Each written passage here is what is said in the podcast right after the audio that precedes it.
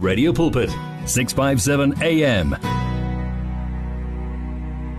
He is always there to protect us. He is always there. Ekutheni ayibonakalise engunkulunkulu engubaba kithina Travis Green uthi be still. Singena ke ku final hour njengoba ke selishayile elesine ihora isikhathi sithi 19 after 4 usanda kungena ngiyakwamukela. Usekhaya singumkani singumsizi sithole na ku Radio Pulpit app noma ke uvakashela iwebsite yethu ku www.radiopulpit.co.za siyatholakala na ku OpenView channel 607 DSTV um audio bouquet 882 ku radio yakho suka ku FM uye ku AM medium wave 657 uzosithola lapho um njengoba ngishilo ke ukuthi uma ngibuya nginale awusimamuketi um sihole awusimamuketi dumela Sisahlele kae? ke teng wena o kae Aw ke teng. Mm. Kwamnandi. Ha kwa- kwaba mnandi impela ukuthi ke si- siphinde sibuye sizokhuluma le indaba zamathando. Hey. hey, Phela you know I, I think ibile ke yona nako e right eh. Um ya ho bua ka dilo tse di tshwanang le le tsona tse.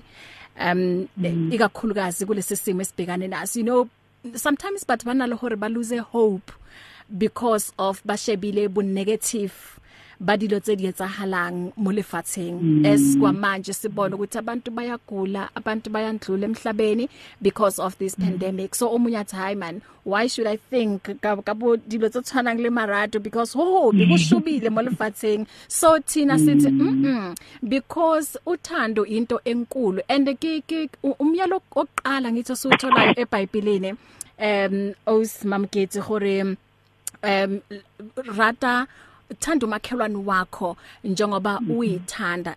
Ke molao oyileng hore ro siyawuthola ezwini likaNkuluNkulu. So uthando into enkulu and we know ukuthi even noNkulunkulu esimkhonzayo uthando. God is love and love is God. So re tlaberetsa mistake ha re sa bui ka lerato. Lebe le phoso e kgolo ka nnete. Motho mang le mang o tlhoka lerato mo bophelong ba gae. amen amen we qedile indaba ke kopa ba dumedise go gae Ke a le dumedisa ko gae re leboga go go ba le lona ka tseno. Mhm. And today ke sizokhuluma la udaba uh, because lerato asintho eleng hore no tsoga in the morning or ke batlo rata bahle or ke batlo rata mamoketsi love is a journey. And ke ke nahana hore go rateng go thoma a- a- a ke re wa itse pina ele ya hore house na lerato ba ro tshwana le eng kana? Le le kokoko fela le o le shapang. wa ibona so um hore o gone ho rata someone else tshwantse o thome ka go irata wena pele. You know so Right. that is why re re love is a journey. But ere ke sa isenya taba e wa tseba ke fe ke fe an aspect a bue ka yona. So today re re love is a journey. Re re know thyself. Are thome hona mo re tlhalose go thoma hona mo. Sisatle I believe gore you know as motho o tshwanetse o ikitse pele somebody else a ka go itse. yeah um o- ka nna wa bolella motho gore you are not loving me the right way Mm. um ha ku feel ha ke re so ha o re right but when you yourself ha motho o botsisa gore okay o batla eng Mm. o palla go tlhalosa ka gore a wa tsaya nako ya go tlhatlho ya go itlhatlhoba o itebelle o Mm. bone gore okay ke responda botoka ke tshwerwe so ke a khatlega mo ha o le so Mm. you know we we we always bring it down to two things gore eh banna ba tlhoka respect basadi ba tlhoka lerato but respect means different things to different men true love means different things to different women. Mm. So you can come and do what you did, but it doesn't work with me because go tshwana le bana ka mo ntlong ha ba tshwane. omo one o responda to this type of love another one o responda to that type of love le di le di tsala tsa rena mm. we don't we love them equally but we know gore o o responda handle when i do this o responda botoka because as batho ha re tshwane but i find that it's easier go relate le motho e leng gore wa ikitse gore no e yone ka se bereke e e ka se bereke. So go kaone as motho go ikitse pele gore wena ke eng e berekang ka wena ke eng e sa berekeng ka wena. Pele o ka expecta gore motho o mong self to figure you out because as batho re we are complicated and complex. We are fearfully and wonderfully made. Um but there are things that are triggers that are positive triggers that we respond better to. So one of the things that i think is great to know as motho is gore wena o responda jwang? Ke eng e leng gore what are the triggers that work well for you? And um th there's a book that has been written um called the five love languages which which speaks to the psychology of what makes you feel better or what makes you feel loved as a person. Mhm you are talking about five love languages go santsana go na le batho ba bang ba ileng hore e ya ba confuse this thing ya love language. Um ha re bua ka mm. love language re bua ka okay motho wa tla wa mputsisa hore bahle what is your love language? Motho o o mputsisa hore what is my love language? Because ke dilo tse leng hore o batla go di etsa mo nna nna tshwantse ke mmotse gore um this is my love language. I want to be treated like this.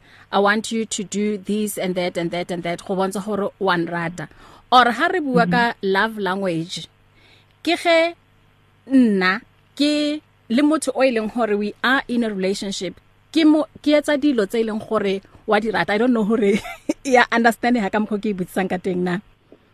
No ke tlhaloganya. So yes. it it it I, think it's both ways.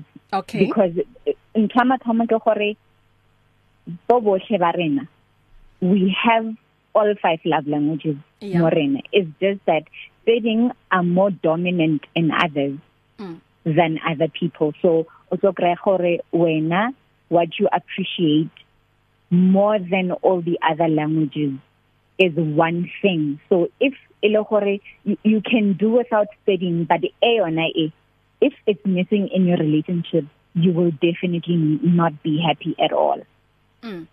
like maybe someone if um how treat right or treat her poorly something like that. So the the the the, the love languages that are they can be broken down mm. into five things. Yeah. Ne?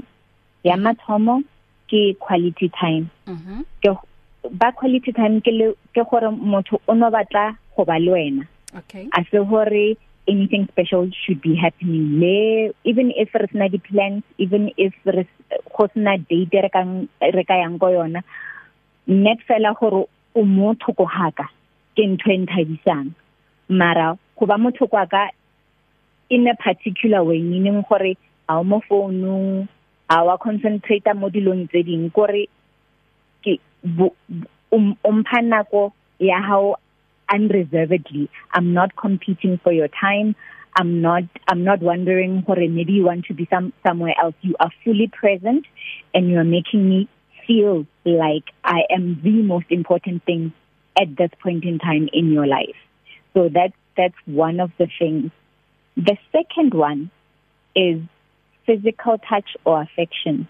This does not mean um anything necessarily sexual. It can be just cuddling, just ho ho ho khoma motho le tsoho khafetsa khafetsa hore he re tsamaya le tshwarane ka matsogo you know gona le batho ba ileng hore they they respond to touch.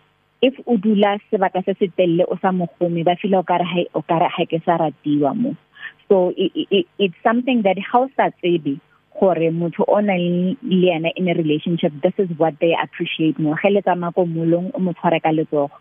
E seng gore o mongwe tsama ko pele o mongwe tsama ko morao. Or o tsama mo pele ha e fela a wa a wa a wa mo khoma to somebody else who um language ya bona ke affection. Ba fila ha ba ha ba itumele completely. So ba ba need gore o nne o ntse o be affectionate whether every two every 2 minutes every 5 minutes o no mokhuma fela. Just for them that touch is very assuring. And then ya boraro ke words of affirmation. Um it may be gore wa mo complimenta e ka ba gore o mongwalla eh eh note. Gona le ba ileng gore you know um e, e, e, especially now ntse ke bona di mintsi tsa gore e futsogile o sena good morning or wa robala o sena good morning gore ora a wa go afela you know to one person me not sending a good morning message if a re di lebo botlhe ka mntsing e one or a good night message or a message mo hara mo hara ha letsatsi e ba o kare ha o sang khathalla ka mkhontsong khathalla ba bang you know go go go bua ka hore you know wa tere hantle or ke a leboga for selese or you know be ditsa handle maybe o thotse promotion for just somebody to affirm you hore no you are doing good you are looking good um dilo tse di jalo. So if you do not know hore that's what your partner needs or that's what you need. You are likely to be unfulfilled. Not hore motho o ha feel dilo tseo but ha ba di bui ba nahana hore because ke teng wa bona wa tseba hore you know dijo tso di apeileng di monate ke feditse dijo. But somebody else o nya go itse gore you know ha ntse o feditse plate ya dijo go leboga gore a wantse di le monate. Ya fema gore energy e o e tsereng o ntse it's not in vain. We appreciate it.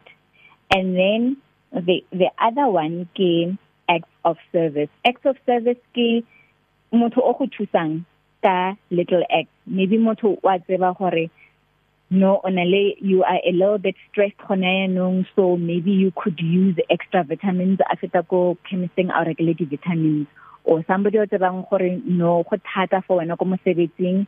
E re go tlhatsotse di jana ka jeno or e re get something that will make your life a little bit better. E re go etsetse tee eh e go etsetse coffee just that little act ya bontsha gore it's an act of service gore where i am serving you or e re go tshelle metsi um we lo tlhapa. Such little things they mean a lot more to some people than others. And then ya bofelo is the receiving gifts. So receiving gifts is usually how motho o appreciating how how mo rekela something. This does not mean gore gift ya teng it has to be a kholo or selo sa gutura like koloi or ntlo even though ba ka ithabela but something enyane go reka thai go reka eh dikousu go reka chocolate go reka go no bontsha gore ne ke le go di shopong ko naganne or ne ke se go di shopong mara ka gore ke a itse gore o rata selo se se rileng. Ke decidele gore ko tlele sona or ke a itse gore o itse o kgathetse.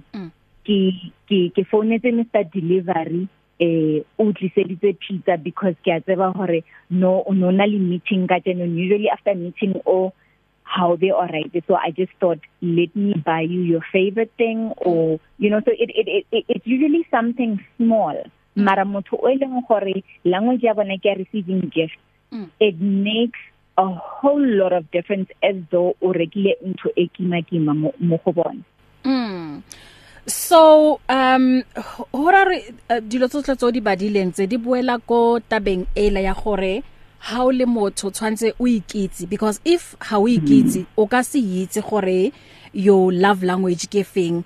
Um that is why maybe go tla end up go na le a lot of go sa understandani in a relationship. Mm. because today you are this person tomorrow you are this person. Or maybe today we did something and then ke se thabetse. Like maybe uh affection arabic affection or maybe physical mm. touch. And then kausane you doing the same thing oboneng ka re motho o wa ithabela but today like wa mona yes o ka re o ba Mm. irritated. So uh, e boela back to tabeng ya gore hora hore this person ha ikitse gore o o thabiswa ke eng when it comes to relationship. So it, it is very important to know um your love language and to know love language ya your partner.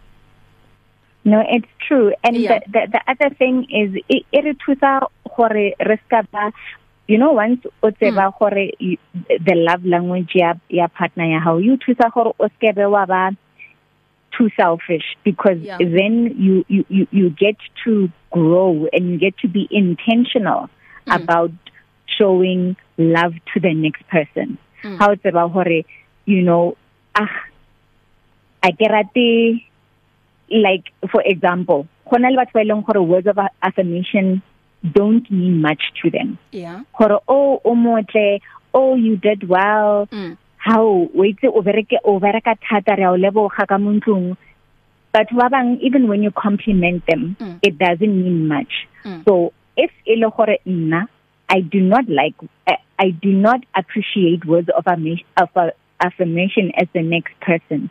It's easy for me to neglect it but once i know gore no um let me praise my partner let me encourage my partner let me compliment my partner. Ke tlosa attention mo nna because now ke fa the person that o ke moratang attention that they deserve in a way that will be beneficial because hana ntho botlhoko as go leka gore o rate motho ka bo ka bo jotlhe ba gago mara you don't get the desired result you know and how dula fatshe o bolela gore but ke eng e sa sebetseng? Because ke lekile go tsa so le so le so le so mara how to see chances are you are communicating selling gore wena as a person wa serata but not that the person that you're communicating to appreciate appreciate. Mhm. Um so does it work? Like if wena nna ka kere ke nna ke communicator my love language but ke etsa dilo tse leng hore di rata ke nna but ke di etsa ko wena? E ka thusa le that one. Naturally that's what people do. We Yeah. we give what we need the most hangata. Okay. And it it it is likely to go unnoticed. Mm. but if e le gore o dira something se leng gore se enjoy ke wena more than kanna because nna ke ikitse already i will notice gore ah okay umfonela hangata but uh, i would prefer somebody who umfonelang gawane ka letsatsi mm. so then i would say gore i would bring it up gore oh you know um ke thabela ka mokho o mfonelang ka teng gangata mo letsatsing however mosebetsi wa ka ha ng alawe Mm. so ha ng kraile gore a ka araba dikholo tsa hao tse ngata Mm. o ska tshwenyeha ke sa le busy but first chance e ke grang ke tla ho founela i'm Yeah. able to recognize it because I know myself and I know what you're trying to do Mm. because you are trying to communicate love to me which is not necessarily compatible to how I like love communicated. So mm. when because I recognize I know myself I'm able to recognize in you what you're trying to do. Yeah. So relationship doesn't become as heavy as it would be when two people are completely unconscious of what the other person is trying to do. Mhm. Wow. Sure, isikhathi ke sithi 16 um 37 um namuhla ke sithi um uthando lu is a journey bazalwane. Yeah, the journey of love sithi know thyself sikhuluma lam eh no uh, Osmam Gete sehole. Eh ke kopa hore ha re bua ne re tlo bua ka eh ei ka tjoko re bua sekgowa se se boima wait. The four temperaments and how they affect how we relate. Uma sibuya sizokhuluma ngayo. And then uyitlhalose hape phela le ka Sesotho Setswana bathong. Hore everyone a tlhaloganyo hore ha re bua ka these temperaments re bua ka eng? Um are are are bue uma si buyangala Get in touch with the truth, the light, and the life. 657 AM. The world is facing a time of great uncertainty. The COVID-19 virus has impacted every person in some way or another. Are you afraid? Are you unsure about the future? Are you alone during this time? Radio Pulpit is your daily companion. We are here for you. Tune in to Radio Pulpit on 657 AM. Listen to us on our app or web. Tune in to DSTV channel 882 or OpenView channel 607 for a message of hope. You can reduce your chances of being infected or spreading the COVID-19 virus. Regularly and thoroughly clean your hands with an alcohol-based hand rub or wash them with soap and water for at least 20 seconds. Maintain at least one meter distance between yourself and people. Avoid touching your eyes, nose, and mouth. Make sure you cover your mouth and nose with your bent elbow or tissue when you cough or sneeze. Stay home if you feel unwell. If you have a fever, cough, or difficulty breathing, seek medical attention. Do not greet each other by hand. Rather use the elbow shake. Keep up to date on the latest COVID-19 hotspots, cities, or local areas where the virus is spreading widely. If possible, avoid traveling, especially if you are an older person or have diabetes, heart, or lung disease. In the end, we know God is much bigger than any virus, and we trust in Him. Remember, in your home, in your car, or in your office, Radio Pulpit is there for you. You can now buy your favorite programs and series of the past 38 years, as well as books, CDs, and more on eCompanion, Radio Pulpit's own online shop. Visit radiopulpit.co.za and click on shop. AM 657 sijula ezwini until 5 o'clock. Kwamanje ke siku the last hour ye program ngikanye no um Osmamkete Sehole uh, sikhuluma la sithi love is a journey. Know thyself. So phambilini besikhuluma ke eh ngama 5 love languages. Ngiyacabanga ukuthi kuloko asekuchazile. Um usuyabona ukuthi okay i ngiyacabanga ukuthi benginga understand i love language ye partner yami. So as from today ngizokwenza better ukuze ke ubudlelwane benu bukhule and then bube buhle. Yabona nithandane nje kube kube mnandi. So aus um mamogete um mm. a re buege ka um okay i don't know re feditse ka ka five love languages? Yeah we we have covered all of them. Okay. So are are kenege ko the four uh, temperaments and how they affect ekutheni um si relate kanjani. Mhlawumbe omunye uthi the word temperament asichaze lona kuqala ukuthi uma sikhuluma ngaloko sikhuluma ngani? Um, temperament is the way that um, you are likely to process information and react to situations. Um, it, it, it, it is determined by your background and your interpretation of how you see things. So oh. temperament eh o ka nna wa wa altera o ka nna wa adjusta but generally it stays the same more or less it can be i mean it has positive and negative each temperament innerly positive and negative traits which once you know them you can alter them. But you you you generally have two. We we all have four. Again just like love language personality temperament ke tse four. But usually there's one that dominates and then a secondary one. And then tse pedi tse tse dingwe tswa kra maybe 5% or 10% ona le tsona. But mostly the two go tswa ba e one e bonagalang a lot in your character traits and your personality. And then go ba le engwe that is sort of supplementary. Um and then tse pedi tse ding either they will lie dormant more ena or they will be very low. So temperament is basically how your mind functions how you process information how you communicate what you respond positively to. Mm. um i hope ke ke tlhalositse ba kaonenyana mm. Um a kitse henkare ke mm, i don't know gona le what dia differ personality le temperament? Or it's almost the same? Um yes.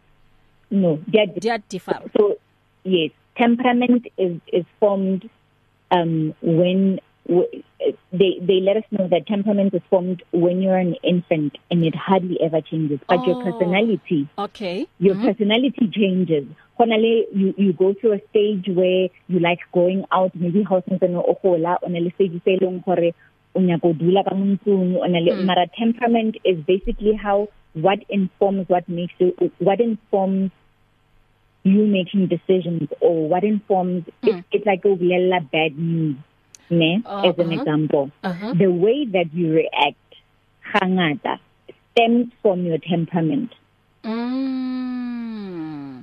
so bana le batho ba bang he he he e le gore o ba fa bad news mm. you need to make sure gore ba go gae or hona le somebody else le bona because of the way they are likely to react hona le batho ba bang it doesn't matter whether motho wa driver o go hae or go etsahalang but but they are able to absorb banal capacity ya go absorb a bad news and they'll process it over a long period of time you know hona le batho ba bang um motho e le gore something as bad as let's say mme wa hae o tlhokofetse mm. ne mm.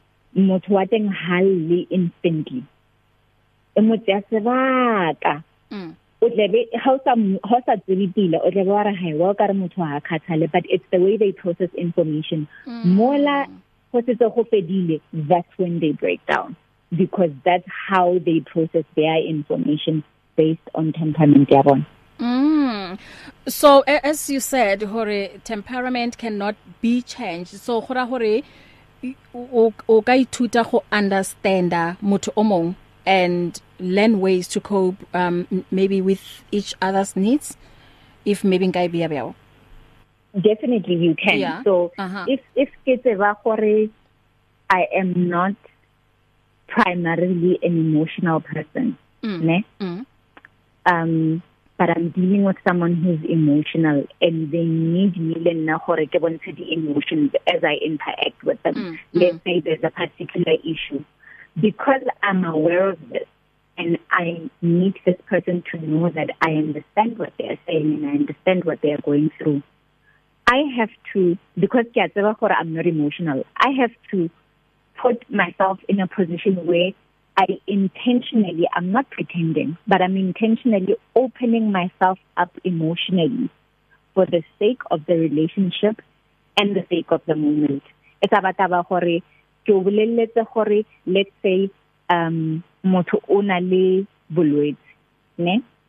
O bolella wa go bolella gore ke tswa go doctor ba re ke na le bolwetse bo bo so le so le so.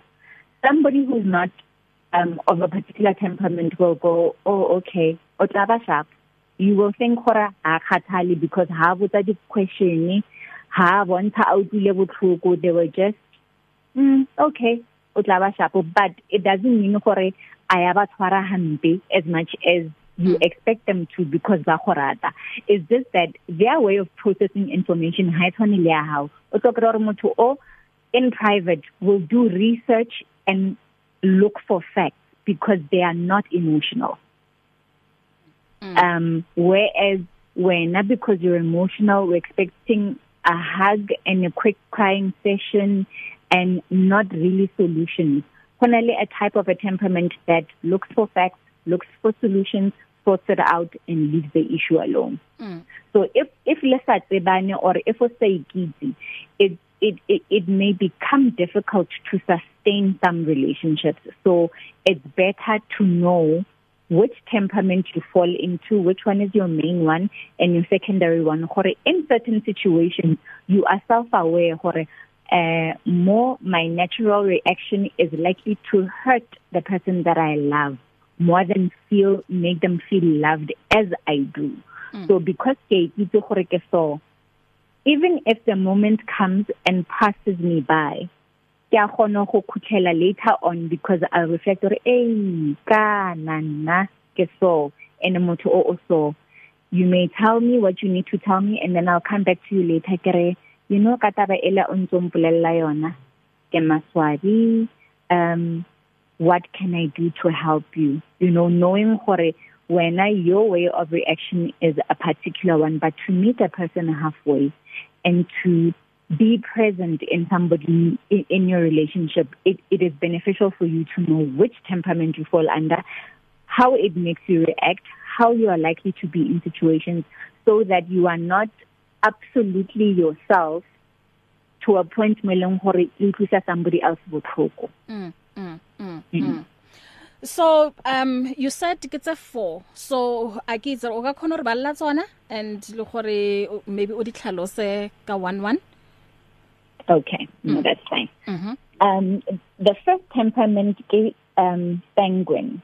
So a sanguine ke batho ba ileng gore ba rata batho ba talkative um ba rata ho encourageana um ba etsa di decision ka pele. Ke ba ileng ba hore eh you know ke rata koloi e ke lo e reka gona yanong without thinking about it a long time.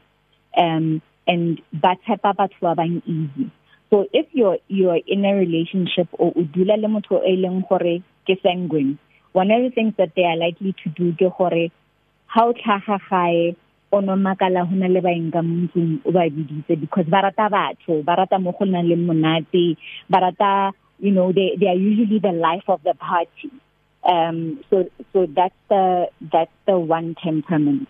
Okay ba le ba gore eh, o ka kra di sofa tsa o di steng ka montlung because o fane o di file mang mang na thoka au se mara ba di thoka and o re mara rena ro dula kae? or o ntse se shabo ka mo freezing sa bofelo.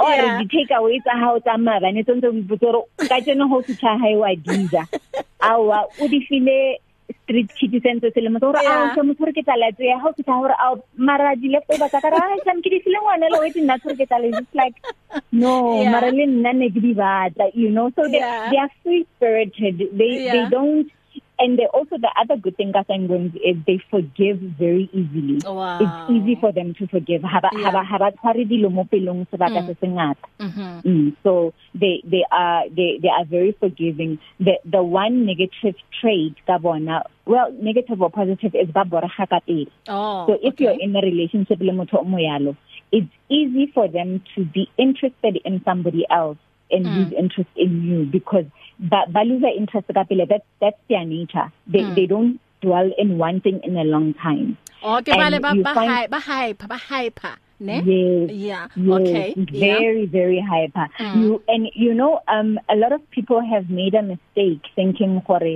um you know a, a sanguine person will unfortunately be in if they don't know themselves they they are likely to be easy to cheat on their partners mm. and yet they love their partner more than anything in the world mm. mara they because their attention span is usually short mm. on one thing they, they are likely but tsega ka pele and ba tshepa ka pele not that it's it, it's a, it's an excuse for anybody that's cheating mm. but that you need to know it in order to avoid it mhm so hora hore ba tsaya di decision ka pela but hantse nako e tsamaya ba borege gape. Kanye eh ba ba nka decision ka pele without yes. thinking it through in yeah, detail yeah, twa yeah. eh it wa bona um like the how gona le di scheme yeah. or something za za za za go jaba to di chelete yeah. they are likely to mm. fall into that trap more than any other temperament because Yeah. ba twa oh yeah that sounds good are tsene o ntsha chelete o tsa assignile next thing ntse o tsamaile ka re o Yeah. signile yeah Mm. So Okay. that that that that's how how how they are. working this sang sang sanguine Sanguine, yes. Okay yeah the second one The second one is phlegmatic. mhm Phlegmatic is the absolute opposite of sanguine. So the phlegmatics they are slow to make decisions. Ba babonya to commit but once ba committile you can count on them. Um the phlegmatics ba ba bonya go kwata. Hona le batho ba bang o ka nna wa ba tshwenya mara go tsaya sebaka gore motho a kwate. Yeah. Mara e ba gore once a kwatile mm go thata go go to win them over again. Yeah. Mhm um so they they they they usually even in their movement they are usually he ba tsamaya ba slow. Mm. you know mm. everything that they do they take their time and they get along with everyone really mm. phlegmatics oh. like uh, it, it it's very rare for a phlegmatic person abelian enemy because mm. ba utlwana they are agreeable ha ba rate ntwa ha ba rate confrontation or ba no nyaka world peace ba nyaka you know everybody must just get along and they are great they usually good people in service so if they are in a where they are serving another person yeah. they are very good at it wow um so those are phlegmatics they are they are slow to commit but once they commit they are all in banale a high tolerance of pain they are able to o kanna wetseng one no monta o motya for granted one no ntso motshwenye mara moareng go lekane go lekane there's no going back mm. Mm. okay so so that that's a phlegmatic, phlegmatic. person barata barata routine abarate any changes in their mm. lives unless they initiate the change mm. so ke ba ileng hore if o tloitse gore o dula mo stilong se o batla dula mo stilong se if a Mm. tswaitse go ja ko plekeng e so o batla go ja ko plekeng e so Mm. a ba rate tlhontse ka tseno re mo ka sane re kwa ba ba rata routine in their life that Mm. that that that that's what makes them comfortable mm baokidi phlegmatic. Phlegmatic yes. wow the third one? The third one ke melancholic. Mm. Melancholics ke ba ba ileng gore ba nagana something to the T. Mm.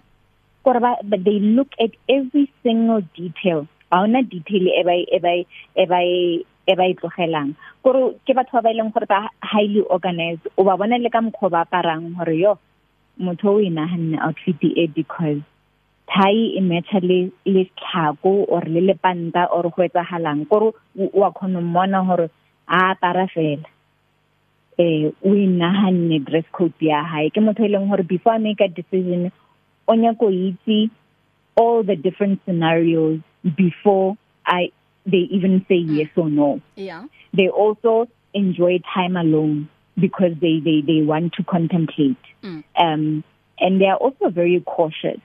You know they they they they, they ba, ba follow a melao. So Mm. a ba rate ke- go na le batho ba ileng hore wetsi motho a teng ha kreile e ticket ya ya ya speeding fine. Yeah. le yena wa makala gore ke kreile yang because o organized. 60 yes ha ha lo driver ka 61 o driver ka Ka 60, 60 yeah. exactly moeling so if it e batla gore no man maphodisa a bona pila because a ona molao le o mo one o ba o tlotseng o re Yeah. ba ya straight ka mo molaong if go thwe uh, melancholics are never late for anything Mm. usually Mm. if that's your dominant if i say 8 o'clock re kopana ka 8 o'clock mm if meeting tshwanetse o fele ka 5 past 8 yeah here 6 minutes past 8 o se tsa lebella nako. Because almost scheduling on Yeah. the, every detail has been planned out. Uh-huh. So those those are those are melanchol melancholics. They don't really like large crowds or being around batho gangata they like keeping to themselves Mhm. ke ba ileng hore after ba fetsa who who ke wa bona batho ba mathomo ba hore ai re le bone nna re sa tsamaya le sa le ko partying ho sa le monate Mm. that's usually likely to be a melancholic Okay, the the last one, uh, Renale, uh, a, a minute. I don't know how to khona ho cover up in a Okay. minute. Yeah. No, a, a, a choleric is a person who who works on projects. So Okay. a choleric, e batla ba gore, you know, um, I have one goal and one goal it is, and I'm focusing all my energies on this goal. They are Mm. not necessary. They are not emotional. They are not. You would think gore ha bana botho, but bana le bona. It's just Mm. that they are goal orientated and aim orientated and that's all that they do anything outside if it's not their goal they are not interested they are not even listening they are not even entertaining it Mm. Mm, Wow. those are okay. Choleric Hmm, ngizwe kahle indaba. So, um because nako ya rona e fedile for today, bona aka khona le go bulela di calls, but it's fine. Ne ke batla o o kre nako e enough and then o di tlhalose pila. So, I ke nagana gore next week re tlo boela hape re di lebella as o di tlhalositse and then e be re re lebella gore he when it comes to b- building a relationship or building a marriage bo good le bo bad ba tsona ke eng especially mm -hmm. um ha ho tla mo di mo tsona di temperament Okay. Yeah. That's that's good looking forward to it. yes next week si siqhubeka ngayo. I'm sorry bazalwane ukuthi angwazanga ukuthi ngivulele incingo nekilebeletse nako gore he nkare ke bulela di calls re tlo feleletsa re tlhalositse e 1 and then re sa khona tlhalosa tse ding. Okay but re na le a minute. Re kenke o i1 mo lining ne? Re utlwe gore ena a reng. Um sa o bona dumela? Ahe. yebo Sawba Awusibathe. eh ma. Esentile yena matamenti. Oh yes mama. O o tlo botsisa ka taba ya rona? Mme o mong. Eh. O go letlhabile. oh mesara Eh, bana nne ke kopa di phone number tsa hae. Ooh, mesara ha share di number tsa high weights but a, a re let's hope re utlwelletse hona nong and then beke etlang ke tla mo kopa tsona. Ne? Ho eka okay oh. O khaogile okay ne ke re mama maybe o batla o botsisa ka lento sikhuluma ngayo um osmamokete asithi Awusahle. kulabo ke